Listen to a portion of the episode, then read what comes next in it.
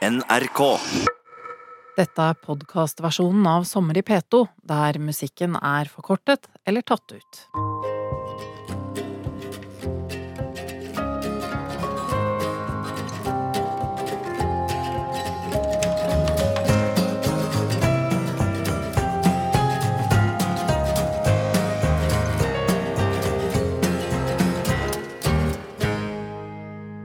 Vær forsiktig, bøllene har tatt makta, sa faren min til broren min og meg.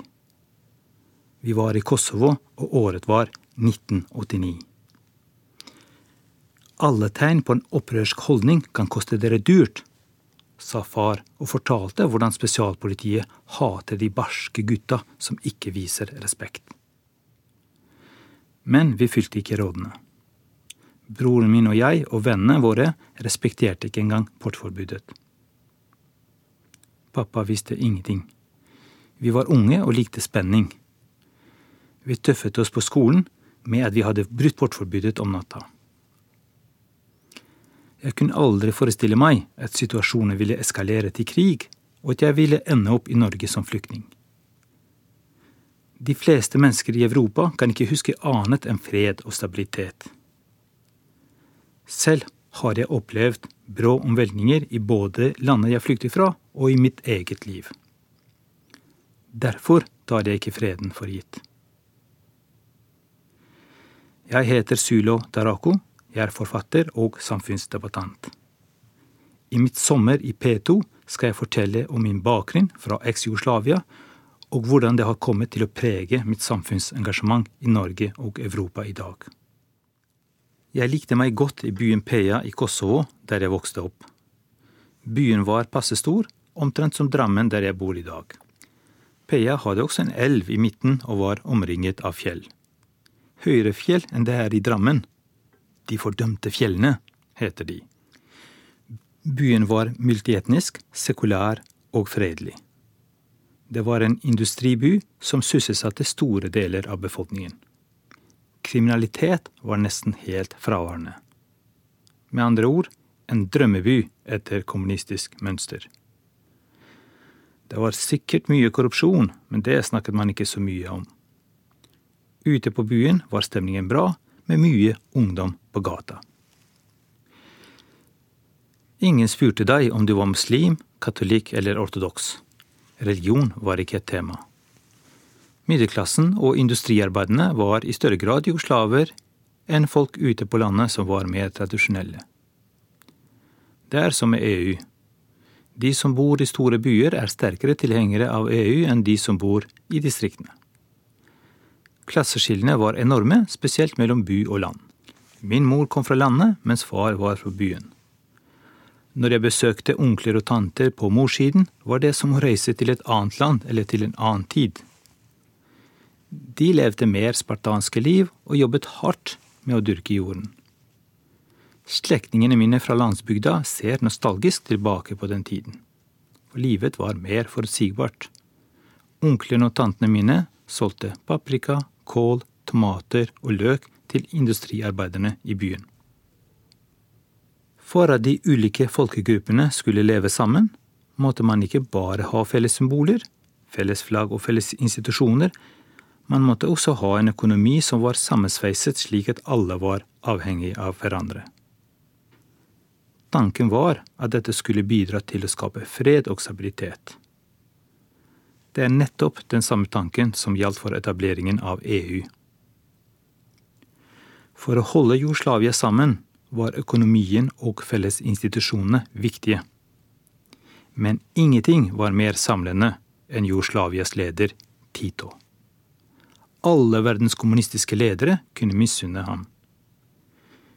Tito var ikke bare populær hjemme, men også ute i verden, der han var kjent som en krigshelt fra andre verdenskrig. På et bilde sto han i partisanuniform med bandasje rundt høyre arm utenfor en hule. Historien om hvordan schæferen hans hadde hoppet foran bomben og reddet Tito, var legendarisk. Som barn var jeg imponert, og den dag i dag ser jeg på schæferhunder med beundring. I motsetning til andre kommunistledere i Øst-Europa var ikke Tito innsatt som leder i Jugoslavia av Sovjetunionen. Han var en bonde som ble folkehelt. Han kjempet mot nazistene og påtok seg deretter oppgaven med å bygge opp landet. Og viktigst av alt å bygge broer mellom de ulike folkegruppene. Jugoslavia levde vi alle sammen under Titos motto enhet og brorskap. Hjemme hos oss hadde vi et stort portrettbilde av Tito i stuen, slik mange jugoslaver hadde på den tiden. Titos bursdag ble feiret med en stafett som gikk fra by til by gjennom hele Jugoslavia. Kommunistene kunne dette med å organisere storslåtte og fargerike fester og å skape entusiasme. Jeg glemmer aldri da Tito besøkte vår by, Peia. Det skjedde i 1979. At selve marskalken, som han ble kalt, kom til vår by, var noe alle måtte få med seg. Det var en stor ære. Pappa var sammen med sine kommunistvenner, men mamma tok oss barna med og plasserte oss et sted hun mente ga oss gode sjanser for å se Tito. Da kortesjen nærmet seg, banket hjertet mitt fortere. Alle var i ekstase. Jeg var bare seks år gammel, men jeg husker fremdeles den dagen som om det skjedde i går. Alle menneskene presset seg frem på fortauene mens de viftet med jugoslaviske flagg. Da bilen hans kjørte forbi, så han rett fremover og hilste med en hånd utenfor bilvinduet. En hånd med hvit hanske. Mens folk applauderte og ropte slagord, stirret jeg på hansken som hilste. Det føltes som en magisk hånd. Men det var også en hard hånd. I Jugoslavia levde vi friere liv enn ellers i østblokken. Turistene fra Vest-Europa som ferierte i fjellene eller langs kysten, og noen til og med på nudiststrender, opplevde neppe at de besøkte et diktatur.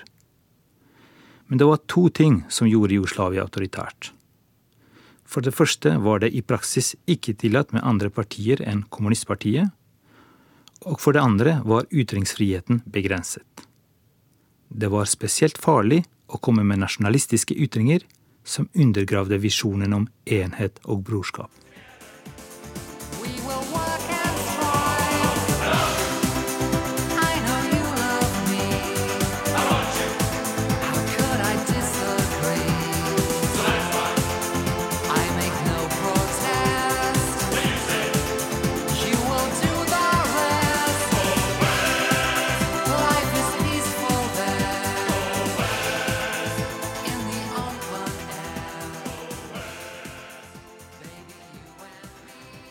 Du hører på Sommer i P2.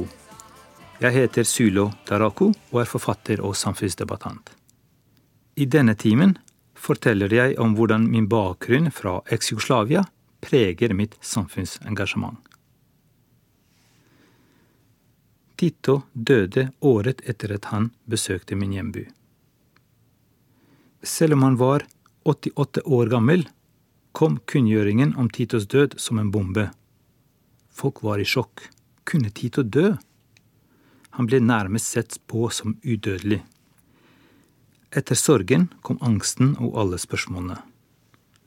Hvem skal holde Jugoslavia sammen nå? Kommer vi til å drepe hverandre igjen? Tito visste at det var farlig å la nasjonalismen vokse. Når den først kom i gang, kunne den fort lede til massakrer og blodbad. Det hadde han sett både under første og andre verdenskrig. Og det var nettopp det som skjedde. Nasjonalismen spiste kommunismen innenfra. Eller rettere sagt ovenfra. Elitene spilte på nasjonalistiske strenger for å mobilisere massene, ikke omvendt. Det som så ut som en demokratiseringsprosess etter kommunismens fall, viser seg å være en gjenfødelse av gammel balkansk nasjonalisme. Kommunister var alltid politisk korrekte i sin omtale av etniske grupper. Men Slobodan Milosevic brøt med det tabuet. I 1989 samlet han én million serbere på Kosovo-sletta for å markere 600-årsdagen for slaget mot osmanerne. Der kom han med nasjonalistiske uttalelser som vekket den serbiske nasjonalismen til live igjen. Han opphevet Kosovos selvstyre helt i strid med grunnloven. Folk demonstrerte over hele Kosovo mot Milosevic. Jeg var 16 år gammel og deltok i flere av demonstrasjonene. Vi hadde jo slaviske flagg, men det ble også ropt demokrati, demokrati, demokrati. Uten at vi visste noe særlig om hva demokrati egentlig betydde. Det viktige var at vi var mot at Milosevic-regime skulle frata oss rettigheter. Dette var blant de tidligste demokratibevegelsene i Øst-Europa. Demonstrasjonene ble slått hardt ned, og det ble erklært unntakstilstand i Kosovo. En gutt jeg kjente fra gymnaset, endte sitt liv under en av demonstrasjonene. Jeg husker at vi spiste løk for å motstå tåregass. De mest aggressive demonstrantene ble truffet med gummikuler. Politiet tok tak i dem og mishandlet dem foran alle oss andre. De ville statuere et eksempel. Det ble også skutt med skarpt. Demonstrasjonene hjalp ingenting. De gjorde bare situasjonen enda verre. Milosevic sendte hæren sin sammen med store spesialstyrker. Det var checkpoints overalt. På gymnaset i Peia ble vi nå fysisk atskilt etter etnisitet. Avdelinger med etnisk albanske elever på den ene siden, serbiske elever på den andre siden. Jeg hadde serbisk kjæreste og pleide å møte henne i skolegården i frikvarteret. Men etter unntakstilstanden fikk hun mye kjeft fra sine serbiske venner, og en dag sa hun at vi ikke kunne treffes lenger. Ute på byen ble vennene mine og jeg angrepet av en serbisk gjeng. Politiet lot være å gripe inn, selv om de befant seg like i nærheten. Vi prøvde å forsvare oss, men vi turte ikke å begynne å slåss mot dem av frykt for at spesialpolitiet skulle sende oss i arresten. Der kunne vi fort bli utsatt for tortur. Beskjeden var klar. Holdt hodet nede. Nå er det serberne som styrer i denne byen. Vi som tilhørte den albanske majoriteten i Kosovo, måtte bare bøye oss for serbernes dominans. Vær forsiktig. Milosevic har sendt noen gærne bønder fra Serbia for å undertrykke oss. Bølene har tatt makta, sa faren min. Han var bekymret fordi han ikke kunne forsvare broren min og meg, og rådet oss til å ligge lavt. Han ga oss beskjed om å ikke rope høyt på gata eller gjøre noe rart. Hvis vi ble stoppet, skulle vi snakke med respekt til politiet og gjøre akkurat det vi fikk beskjed om. Alle tegn på en opprørsk holdning kan koste dere dyrt, sa faren min. Politiet hater de barske gutta som ikke viser respekt. Men vi fylte ikke rådene. Broren min og jeg og vennene våre respekterte ikke engang unntakstilstanden og portforbudet. Pappa visste ingenting. Vi var unge og likte spenning. Vi tøffet oss på skole med at vi hadde brutt portforbudet om natta.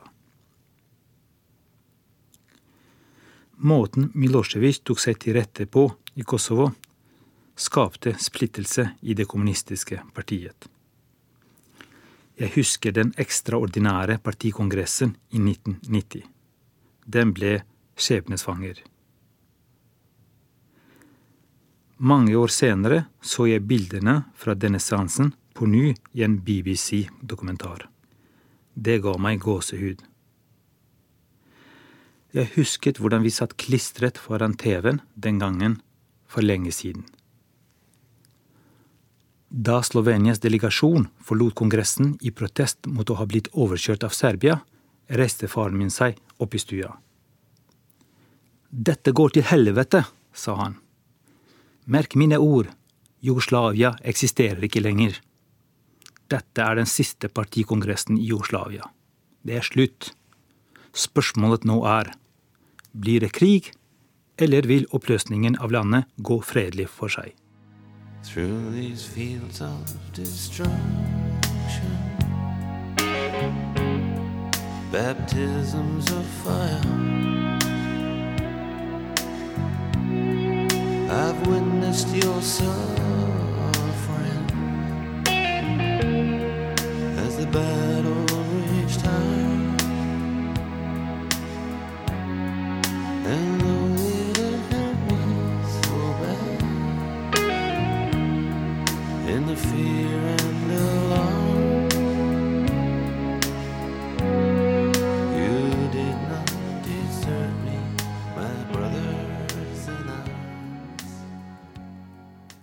Oppløsningen av Jugoslavia førte til krig. Alt startet i Kosovo i 1989, og alt ble avsluttet der ti år senere. Altså i 1999, etter Natos militære intervensjon. På de ti årene ble over 130 000 mennesker drept. Mens millioner ble drevet på flukt pga. Etnisk rensing. Jeg ble også flyktning. Jeg nektet å tjenestegjøre i den jugoslaviske armeen i 1991 og måtte forlate landet. Resten av familien fulgte etter. Det er et paradoks at borgerkriger blir de blodigste krigene. Man skulle tro at vi ville være mer skånsomme når vi kjemper mot våre tidligere naboer, kolleger, fotballkamerater og slektninger. Men det viser seg dessverre å være tvert imot. Når vi først er i fiendskap, har vi mennesker en tendens til å hate dem som står oss nært, mer intenst enn fjerne fiender. Små forskjeller blir plutselig store og dødsens viktige. Nordmenn forteller meg ofte om reiser til Jugoslavia før oppløsningen. De kunne ikke se forskjell på folk. Alle var jo jugoslaver. Nå var Jugoslavia blitt sju stater. Krigene skapte en stor flyktningkrise, den største etter andre verdenskrig. Millioner var fordrevet fra hjemmene sine. Gjennom 90-tallet havnet 30 000 av dem i Norge. En av dem var meg. Jeg havnet på et asylmottak i Sandnessjøen i Nordland. Senere flyttet jeg til Lier og Drammen. På et av mottakene ble en kosovo-albaner jeg kjente, plassert på et rom sammen med to serbere. Han ble livredd og ba om å få et annet rom. Men han møtte ingen forståelse. Mottaksledelsen sa at asylsøkerne ikke kunne ta med seg konflikten til Norge. Du er i Norge nå, ikke på Balkan, sa mottakslederen men kosovo-albaneren klarte ikke å sove på et rom med to serbere. Hva om de dreper meg midt på natta? sa han. Slik snakker en traumatisert flyktning. Først da mannen fikk en legeerklæring på at han ikke klarte å sove, fikk han tildelt et annet rom. Jeg kan forstå mottakets prinsipielle holdning. Men flyktninger tar ikke bare med seg holdninger, de tar også med seg frykt og fordommer hjemmefra. Det er ikke vanskelig å forstå. Tenk deg om en nordmann måtte dele et lite rom med to tyskere under andre verdenskrig.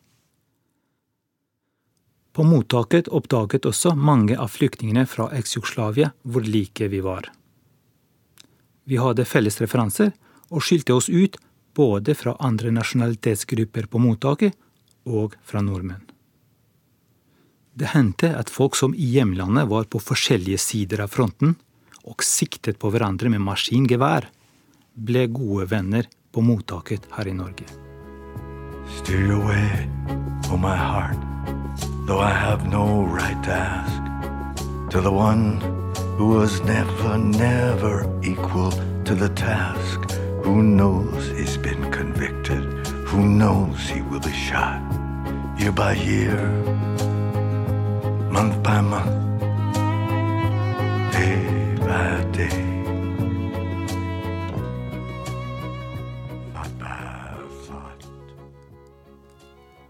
Da jeg kom til Norge, ble flyktningkonvensjonen tolket svært restriktivt.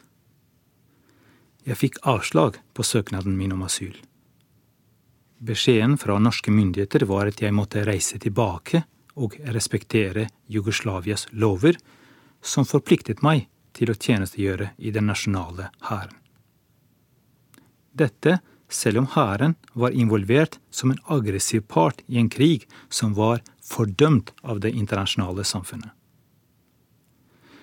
Men etter en klageprosess som tok noen år, fikk jeg likevel bli. Det var krevende å vente så lenge i uvisshet, men det hjalp at vi ble tatt godt imot av den norske befolkningen. Jeg ble overført til et mottak i Sandnessjøen i Nordland. Selv om det var kaldt der, var menneskene varme. Jeg pleier å si at vi ble utsatt for veldig mye godhetstyranni. En migrasjonsreise er også en identitetsreise. Det var i hvert fall slik for meg. Jeg hadde en fot i Norge og én i hjemlandet og tenkte ofte på å reise hjem. Men etter hvert innså jeg at Norge var blitt mitt nye hjemland, og at det var her livet skjer. Livet i Sandnessjøen var veldig rolig. Det var ikke mye annet å gjøre enn å vente på svar fra UDI. Jeg husker hvor overrasket jeg var da jeg skjønte at byen hadde kun to politimenn. Riktignok var det bare 5000 innbyggere. Men i tillegg til kommuneadministrasjonen var det flere utesteder, et kjøpesenter, flere bedrifter og et ganske stort asylmottak. Og så bare to politimenn, uten våpen. Asylsøkere fra Midtøsten, Balkan og Øst-Europa lo og ristet på hodet når vi snakket om det på asylmottaket. Samtidig var det fascinerende. Folk låste ikke hjemmene eller bilene sine. Noen asylsøkere brukte ulåste sykler de fant på gata til å kjøre frem og tilbake, før de satte dem tilbake der de fant dem. Etter hvert begynte jeg å sette pris på den norske naiviteten som alle innvandrere ler av i starten. For den norske naiviteten er et uttrykk for tillit til mennesker. Men også tillit til myndighetene. Dette hadde aldri vært mulig om korrupsjon var utbredt. Men den største kontrasten til den etniske rensningen på Balkan som jeg kom fra, var at Norge tok imot fremmede innvandrere fra fjerne kulturer og ga dem de samme rettighetene som borgerne i deres eget land. Det tok tid å bli klok på nordmenn. Jeg trodde først nordmenn var veldig nasjonalistiske når jeg så hvor mye de brukte flagget. Jeg så norske flagg på folks verandaer, på båter og til og med på jakker og gensere folk hadde på seg. 17. mai var en helt spesiell opplevelse. Gatene i Drammen var fulle av tradisjonsrike bunader, musikkorps og faner. Overalt møtte jeg glade nordmenn med flagg i hendene. Jeg hadde ingen anelse om hva feiringen av grunnlovsdagen innebar, men jeg var en imponert tilskuer. Man kunne kanskje tro at denne norskeste av alle dager skulle få en nykommer som meg til å føle meg mer fremmed i mitt nye land, men i virkeligheten var det motsatt. Den norske grunnlovsdagen er et fascinerende paradoks. Nordmenn er aldri så inkluderende som på 17. mai. Det er nok også årsaken til den sterke oppslutningen om feiringen blant innvandrere. I motsetning til Nordland, var det ikke lett å skaffe seg norske venner i Drammen, men jeg fikk et godt tips fra en drammenser. Skal du komme i kontakt med norskinger, må du delta i en eller annen organisert aktivitet. Enten i idrett eller frivillige organisasjoner, fikk jeg høre. Jeg oppsøkte Røde Kors siden det var den eneste organisasjonen jeg hadde et forhold til. Den var internasjonal, og det første mottaket jeg ble plassert på, var drevet av Røde Kors. Jeg engasjerte meg i hjelpekorpset, som driver med redningstjeneste, bl.a. ute i naturen. Nordmenn var mye vennligere ute i naturen. Der hilste alle på hverandre. Jeg meldte meg inn i Amnesty International også. Nettverket jeg skaffet meg i frivillige organisasjoner, bidro til min karriere i frivillighetssektoren. I 1999 ble jeg ansatt i Flyktninghjelpen og senere i Den norske Helsingforskomiteen og NOAS. Som innvandrer og opptatt av internasjonale spørsmål følte jeg meg hjemme blant kosmopolitisk orienterte organisasjonsfolk og jeg er overbevist om at flere av mine etnisk norske venner følte at de hadde mer til felles med meg enn med andre etnisk norske som ikke delte deres verdier. Som flyktning fra et mislykket multietnisk samfunn hadde jeg mine egne personlige grunner til å omfavne den liberale internasjonalismen som var framherskende etter den kalde krigens slutt. I kaoset som oppsto da Jugoslavia kollapset, fikk jeg lov til å søke om asyl i Norge. Og som minoritet her er jeg beskyttet takket være internasjonale konvensjoner. Derfor er jeg nok mer enn gjennomsnittet bekymret for hvordan det kan gå med Europa. Retorikken fra dagens høyrepopulister har nasjonalistiske undertoner og minner meg om polariseringen vi fikk i Jugoslavia før landet ble revet i biter.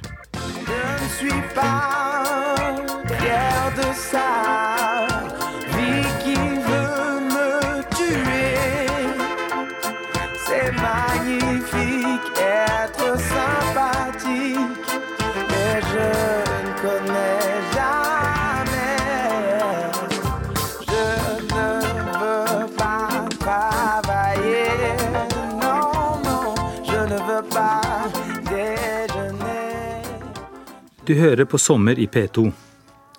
Jeg heter Sylo Tarako, og i denne timen forteller jeg om hvordan min bakgrunn fra eks-Jugoslavia preger mitt ståsted i samfunnsdebatten.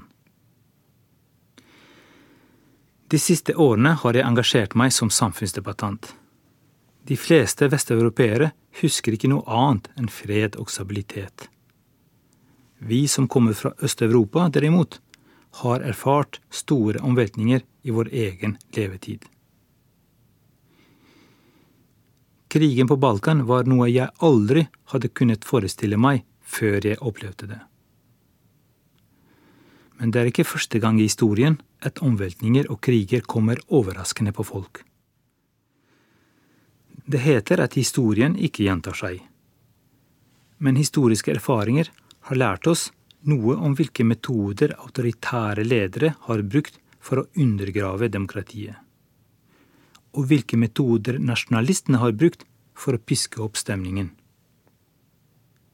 Der jeg kom fra, så jeg hvordan kommunistene undertrykket ytringsfriheten, mens nasjonalistene ikke respekterte mangfoldet.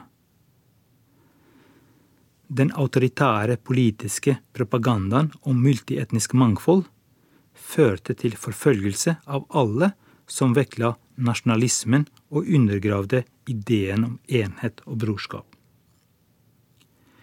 Da nasjonalistene kom til makten, brøt de med alle tabuene fra kommunismens tid. Men de gjorde det på en brutal måte. Det som før var helt uhørt å si, ble senere sagt med den største selvfølge. I dag ser jeg det samme skje i Europa.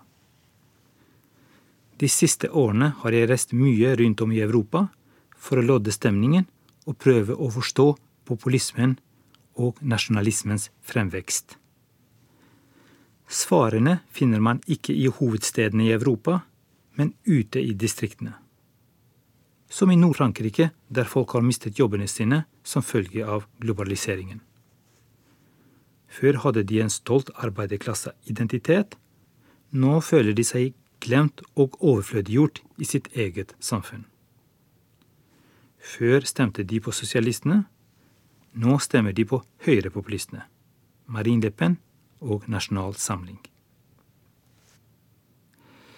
I Polen snakker man mye om trusselen fra islam, selv om bare 1% av befolkningen er muslimer. Du kan gå rundt hele dagen i Warszawas gater uten å se en eneste muslim. Jeg så noen kebabsjapper, men de var drevet av polakker. Likevel viser undersøkelser at mange polakker tror at det er millioner av muslimer i landet. Statsminister Viktor Urban i Ungarn fremstiller seg selv som beskytter av det kristne Europa mot en ny muslimsk invasjon, som han kaller det. Om det er én ting som skiller oss som kommer fra den tidligere østblokken og vesteuropeere, så er det vårt forhold til historie. Vi som kommer fra den gamle østblokken, ser mye bakover, og historien er alltid nær. Vi snakker om ting som har skjedd for flere hundre år siden, som om det skjedde i går. Slik opprettholdes offerrollen, og slik skapes angst for fremtiden. Uroen i Vest-Europa tror jeg skyldes usikkerheten mange føler om hva fremtiden vil bringe. Og da tenker jeg spesielt på innvandringen, der vi går mot mer mangfold. Hvis denne prosessen føles som truende, kan vi risikere et nasjonalistisk backlash som blir verre enn det vi ser i dag. Endringsprosesser kan skape uro, både på et personlig plan og på et samfunnsplan. Jeg husker selv hvor krevende det var å finne meg til rette i en ny tilværelse, som minoritet i et nytt og fremmed samfunn. Jeg var usikker og på leting etter en trygg identitet. Jeg er fortsatt opptatt av inkludering for å dempe innvandrernes fremmedfølelse i Norge. Men det som skjer i dag i Europa og Norge, er at også de som tilhører majoriteten, begynner å ha en følelse av fremmedgjøring. Under markeringen av slutten på første verdenskrig i fjor sa Frankrikes president Emmanuel Macron at vi trenger patriotisme som et svar på nasjonalismen som vokser i Europa. Jeg er enig i det budskapet. Men jeg mener også at vi ikke må være redde for å bruke ordet nasjonalisme eller å feire nasjonen. For vi må ikke la høyrepopulistene ta eierskap til disse begrepene og gi dem et annet innhold. Det er ikke liberal nasjonalisme som er farlig, men ekstrem nasjonalisme. Av og til lurer jeg på om dette temaet er viktigere for meg enn for nordmenn flest. Jeg kommer fra et område med etniske konflikter og ønsker at vi unngår polariseringen jeg flyktet fra. Jeg ønsker å jobbe for at Norge skal bli et vellykket multietnisk samfunn. At vi kan opprettholde vårt sterke samfunnsliv til tross for forskjeller at vi ikke bare fokuserer på forskjellene, men også på det vi har til felles. Jeg deler ikke felles fortid med etniske nordmenn, men vi har definitivt felles fremtid. En nasjon er et skjebnefellesskap. Og skal vi ha en fredelig fremtid sammen, så må vi fortsette å holde den ekstreme nasjonalismen i sjakk gjennom å dyrke samholdet på tvers av etniske skiller til Dovre faller.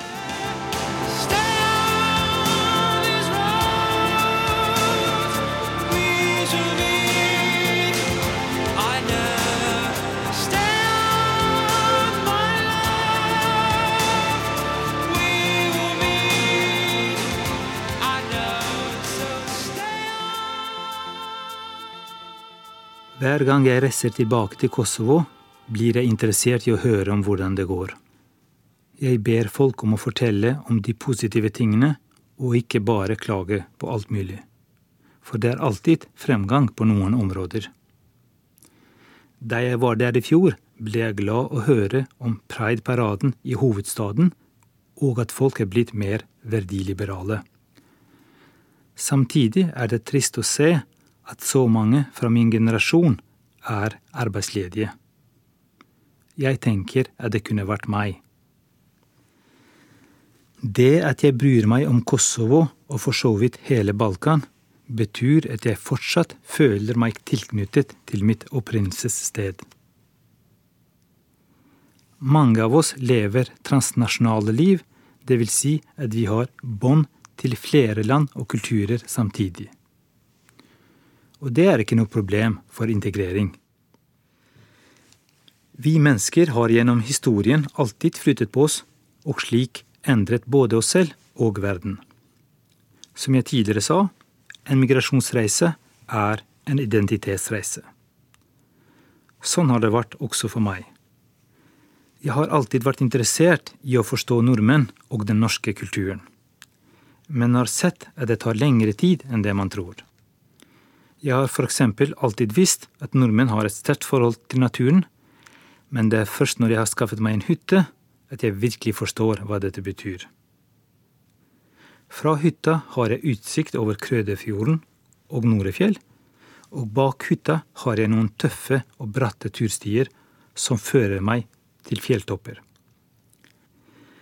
På Balkan tok foreldrene mine meg på rolige pikniker i parken, mens her er det mer action i naturen. Og det liker jeg. Nå nyter jeg naturen på samme måte som norskinger og jeg føler at jeg endelig har knekt en ny norsk kode. Alle vi som har kommet som innvandrere til Norge, har en historie med oss. Og den historien, eller bagasjen, kan vi ikke legge fra oss straks vi lander på Gardermoen. Den vil følge oss videre og vil ha betydning for hvordan vi møter det nye livet her i Norge. Takk for at du hørte på. Nå skal jeg tilbake til hytta og naturen. Du har hørt Sommer i P2 med samfunnsdebattant Sylo Taraku. Marianne Myrhol hadde det tekniske ansvaret.